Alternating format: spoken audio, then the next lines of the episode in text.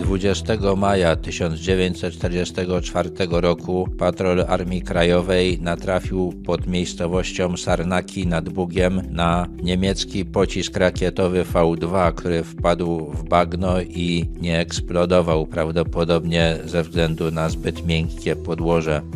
Od pewnego czasu niemieckie pociski rakietowe V2 spadały w okolicach Sarnak. Wystrzeliwano je z poligonu pod miejscowością Blizna, niedaleko Mielca, gdzie Niemcy przenieśli ośrodek badań nad tą bronią po nalocie alianckiego lotnictwa na Peneminde.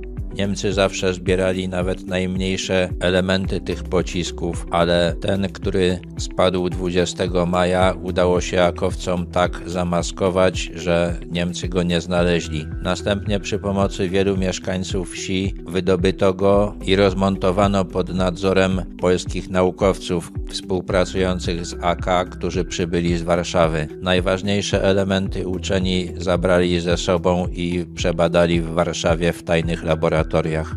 Sporządzono opis budowy i działania tego pocisku, który razem z jego elementami został zabrany przez aliancki samolot, który przyleciał do Polski. Rakiety V2 były pierwszym wytworem człowieka, który wzniósł się ponad 100 km nad powierzchnię Ziemi, wchodząc w przestrzeń kosmiczną. Od września 1944 roku Niemcy używali ich bojowo, atakując nimi głównie Londyn i Antwerpię, ale także inne miasta, np. Paryż czy Lille.